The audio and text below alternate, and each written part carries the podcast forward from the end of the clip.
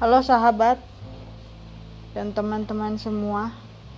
Semoga suara hujan deras sore hari ini nggak mengganggu rekaman ini menjadi enak tetap didengar sama teman-teman. Harta yang paling berharga adalah keluarga. Siapa yang begitu dengar kalimat ini langsung spontan pengen nyanyi. Ayo, silahkan lanjutin sendiri lagunya kalau teman-teman emang masih pengen nyanyi ya. Aku nggak akan nyanyi di sini. Ya, itu adalah lirik awal dari lagu yang jadi soundtrack sinetron yang terkenal pada zamannya.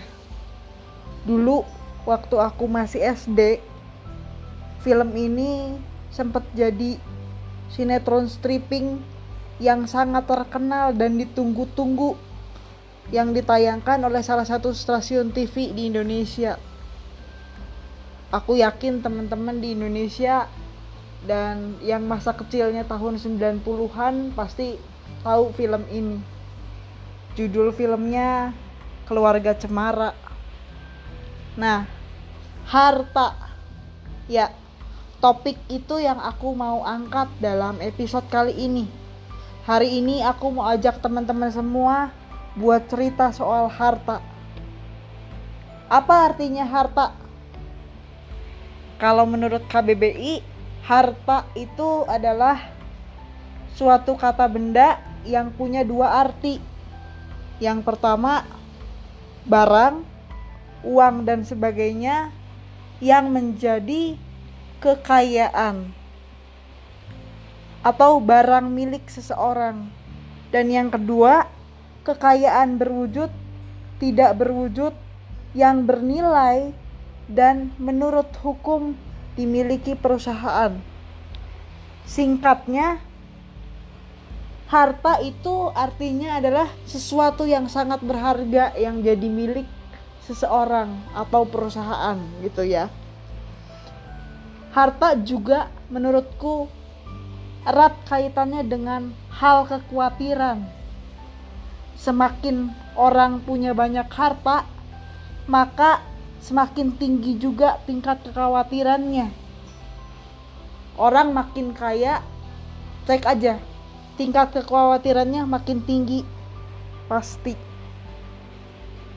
Nah, kalau kita lihat dari dua pengertian yang dimiliki KBBI tadi, harta itu kaitannya erat dengan sesuatu yang berwujud. Ada bentuknya, bisa dipegang, ya, dan nyata gitu. Tapi kalau buat aku, yang namanya harta itu nggak selalu harus sesuatu yang berwujud. Ada bentuknya dan harus bentuknya barang, enggak. Buktinya lagu yang tadi kita bahas aja itu bilang harta yang paling berharga adalah keluarga katanya. Tapi memang benar yang namanya harta itu pasti deket banget dengan yang namanya rasa khawatir. Terus gimana sama aku? Aku punya harta nggak ya? Jelas ada dong. Aku punya harta. Dan aku pikir semua orang juga pasti punya harta. Yang kita nggak tahu hartanya dia itu apa. Tapi satu yang pasti orang yang katanya miskin sekalipun pasti dia punya harta. Pokoknya harta itu adalah sesuatu yang dianggap berharga. Nah hari ini aku mau cerita sama teman-teman semua soal harta paling berharga yang aku punya. Mau tahu kan? Ini ceritanya. Kalau aku ditanya hartaku yang paling berharga itu apa, maka dengan mantap aku bakal jawab Tuhan Yesus. Aneh kan jawabannya? Ya, tapi itu jawaban aku beneran. Serius pakai banget malah. Buat aku Tuhan Yesus itu adalah harta aku paling berharga. Aku boleh aja kehilangan semua yang aku punya sekarang, tapi enggak dengan Tuhan Yesus. Aku bakalan sedih banget kalau sampai Tuhan Yesus pergi dari hidup aku. Kalau Tuhan Yesus sampai pergi dari hidup aku, maka aku pasti bakalan mati. Itu mah udah rumus kehidupan yang paten hukumnya. Tuhan Yesus adalah pribadi yang sangat berharga untukku seumur hidupku. Dia adalah pribadi yang sangat bernilai melebihi apa pun yang aku punya di dunia ini buat aku. Kalau buat yang lain beda lagi itu nggak apa-apa juga sih. Tapi ini pengalaman hidupku. Nah, sebelum aku lanjutin ceritanya, aku inget kalau di Alkitab juga pernah ada catatan tentang harta dan kaitannya dengan kekhawatiran. Hari ini aku mau baca bagian ini lagi-lagi pakai dua versi Alkitab supaya kita gampang memahaminya. Pertama, aku bakalan bacain Alkitab terjemahan baru versi yang biasa teman-teman punya Alkitabnya di rumah atau teman-teman biasa download di handphone juga biasanya terjemahan baru. Tapi yang satu lagi aku mau bacain versi versi Alkitab e, bahasa Indonesia masa kini. Dua versi ini adalah dua versi yang selalu aku download dalam HP ku supaya aku mudah untuk memahaminya. Dan untuk bagian perikop ini aku mau bacain buat teman-teman dua-duanya oke Lukas 12 ayat 22 sampai 34. Kalau teman-teman punya Alkitab atau mau ambil Alkitab, silahkan ikuti baca bersama aku. Yesus berkata kepada murid-muridnya ini versi terjemahan baru, versi yang biasa dulu ya. Yesus berkata kepada murid-muridnya, "Karena itu aku berkata kepadamu, janganlah khawatir akan hidupmu. Apa apa yang akan kamu makan, dan janganlah khawatir pula akan tubuhmu, apa yang hendak kamu pakai, sebab hidup itu lebih penting daripada makanan, dan hidup itu lebih pen dan tubuh itu lebih penting daripada pakaian. Aku ulangi ya, daripada salah-salah aku ulang. Lukas 12 ayat 22 sampai 34. Yesus berkata, kepada murid-muridnya. Karena itu, aku berkata kepadamu, janganlah khawatir akan hidupmu, akan apa yang hendak kamu makan, dan janganlah khawatir pula akan tubuhmu, akan apa yang hendak kamu pakai. Sebab hidup itu lebih penting daripada makanan, dan tubuh itu lebih penting daripada pakaian. Perhatikanlah burung-burung gagak yang tidak menabur dan tidak menuai dan tidak mempunyai gudang ataupun lumbung. Namun demikian diberi makan oleh Allah. Betapa jauhnya kamu melebihi burung-burung itu. Siapakah di antara kamu yang karena kekhawatirannya dapat menambah sehasta pada jalan hidupnya? Jadi, jikalau kamu tidak sanggup membuat barang yang paling kecil, mengapa kamu khawatir akan hal-hal yang lain? Perhatikanlah bunga bakung yang tidak memintal dan tidak menenun. Namun aku berkata kepadamu, Salomo dalam segala kemegahannya pun tidak berpakaian seindah salah satu bunga itu. Jadi, jika rumput di ladang yang hari ini ada dan besok dibuang ke dalam api, demikian juga Allah terlebih didandani Allah, terlebih lagi kamu, hai orang-orang yang kurang percaya. Jadi, janganlah kamu persoalkan apa yang hendak kamu makan dan apa yang akan kamu minum dan janganlah cemas hatimu. Sebab itu eh semua itu dicari bangsa-bangsa di dunia yang tidak mengenal Allah. Akan tetapi Bapamu tahu bahwa kamu memang memerlukan semuanya itu. Tetapi carilah dulu kerajaan Allah, maka semuanya akan ditambahkan kepadamu. Janganlah takut, hai kamu kawanan kecil, karena Bapamu telah berkenan memberi kamu kerajaan itu. Jualah segala milikmu dan berikanlah sedekah. Buatlah bagimu pundi-pundi yang tidak dapat menjadi tua satu harta di sorga tidak akan habis. Yang tidak dapat didekati pencuri dan yang tidak dirusakkan ngengat. Karena di mana hartamu berada di situ juga hatimu berada. Aku lanjut langsung pakai versi bahasa Indonesia masa kini ya. Maaf kalau bacanya agak tersendat-sendat silahkan teman-teman baca sendiri lagi kalau kurang enak dibacanya.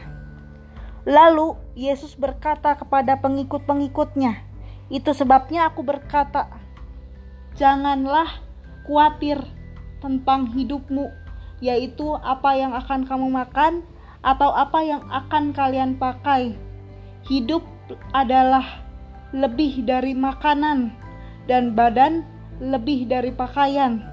Perhatikanlah burung-burung gagak.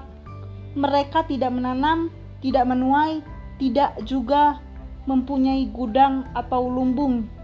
Tetapi Allah memelihara mereka. Kalian jauh lebih berharga daripada burung-burung. Siapakah di antara kalian yang dengan kekhawatirannya dapat memper memperpanjang hidupnya biarpun sedikit? Kalau hal sekecil itu saja tidak dapat kalian lakukan, mengapa khawatir tentang hal-hal lain? Perhatikanlah bagaimana bunga-bunga bakung tumbuh. Bunga-bunga itu tidak bekerja, tidak juga menenun. Tetapi Raja Salomo yang begitu kaya pun tidak memakai pakaian yang sebagus bunga-bunga itu. Rumput di padang tumbuh hari ini dan besok dibakar habis. Namun Allah mendandani rumput itu begitu bagus. Apalagi kalian, tetapi kalian kurang percaya. Jadi, janganlah khawatir dan bingung tentang apa yang kalian makan dan minum. Hal-hal seperti itu dikerjakan oleh orang yang tidak mengenal Allah Padahal Bapamu tahu bahwa kalian memerlukan semuanya itu. Tetapi kalian harus berusaha supaya Allah memerintah dalam hidupmu. Yang lain itu akan diberikan kepada diberikan Allah juga kepadamu. Kalian yang hanya kecil jumlahnya, janganlah takut, sebab Bapamu senang memberikan kepadamu berkat dari pemerintahannya. Jualah milikmu dan berikanlah uangnya kepada orang miskin. Buatlah untuk dirimu dompet yang tidak dapat usang, yaitu harta yang disimpan di sorga. Harta itu tidak bisa hilang karena pencuri tidak dapat mengambilnya dan rayap tidak dapat merusaknya. Sebab di mana hartamu berada, di situ juga hatimu. Sedemikian jauh bacaan kita hari ini. Bacaan ini indah sekali, terutama setelah kita membacanya lewat versi bahasa Indonesia masa kini yang lebih mudah dimengerti. Ayat terakhir dari perikop ini menjadi fokus perhatianku. Aku ulang, Sebab di mana hartamu berada, di situ juga hatimu. Ya. Perikop ini juga yang akhirnya bikin aku sadar bahwa harta itu pasti bakalan mengikat hati. Makanya aku nggak mau salah pilih harta. Aku pilih Tuhan Yesus sebagai hartaku paling berharga dengan sebuah kesadaran penuh bahwa hidupku dan semua yang aku miliki saat ini merupakan titipan Tuhan. Tugasku selama hidup adalah mengelola semuanya itu dengan baik. Keluargaku, barang-barang pribadiku, komunitas yang aku punya, ah pokoknya semuanya deh. Semuanya itu harus aku kelola dengan bertanggung jawab. Kenapa harus dengan bertanggung jawab? Karena itu adalah milik Tuhan. Itu adalah milik Tuhan yang dititipkan pada aku. Lalu, uh, buat aku, ini adalah satu perintah yang harus dikerjakan. Kalau bukan Tuhan yang kasih itu semua sama aku, aku nggak mungkin bisa punya itu semuanya. Selama aku hidup di raga yang ini, aku punya tugas dan tanggung jawab untuk selalu berusaha supaya hidup ini keseluruhannya sesuai dengan apa yang Tuhan mau atas hidup aku. Oleh karena itu, bagian penting yang harus aku lakukan setiap hari dan bahkan setiap detik dalam hidupku aku harus terkoneksi dengan Tuhan supaya aku bisa mendengarkan suaranya terus menerus dan gak salah tangkap suara maka untuk hidupku aku mau mengulang perkataan Rasul Paulus saat ini yang tercatat dalam Filipi 1 ayat 21 sampai 23. Begini katanya. Karena bagiku hidup adalah Kristus dan mati adalah keuntungan. Tetapi jika aku harus hidup di dunia ini, itu berarti bagiku bekerja menghasilkan bagiku bekerja memberi buah. Jadi, manakah yang aku harus pilih? Aku tidak tahu. Aku didesak dari dua pihak. Aku ingin pergi dan diam bersama-sama dengan Kristus. Itu memang jauh lebih baik. Jadi, Rasul Paulus memilih untuk mengikuti apa yang Tuhan mau dalam hidup dia. Mati adalah Kristus, hidup adalah keuntungan, dan itu juga yang aku yakini hidupku adalah untuk Kristus dan mati juga adalah keuntungan. Jadi kapan pun aku mati, aku nyatakan aku siap karena harta aku paling berharga sudah aku miliki sekarang. Dan yang paling membuat aku sedih adalah ketika Tuhan Yesus pergi dari hidup aku. Kalau itu sudah aku pilih, maka sekarang aku ajak teman-teman juga untuk merenungkan hal ini Jangan lagi khawatir tentang kapan ini berakhir dan sebagainya dan seterusnya. Percayalah, ini pasti berakhir dan kalaupun tidak, yang terpenting adalah Tuhan sudah bersama, dengan kita dan gak ada lagi yang perlu kita khawatirkan dengan itu. Kiranya Tuhan memampukan kita untuk memilih dan menetapkan pilihan tentang harta apakah yang terbaik untuk kehidupan kita kini dan selamanya. Tuhan memberkati kita semua. Amin.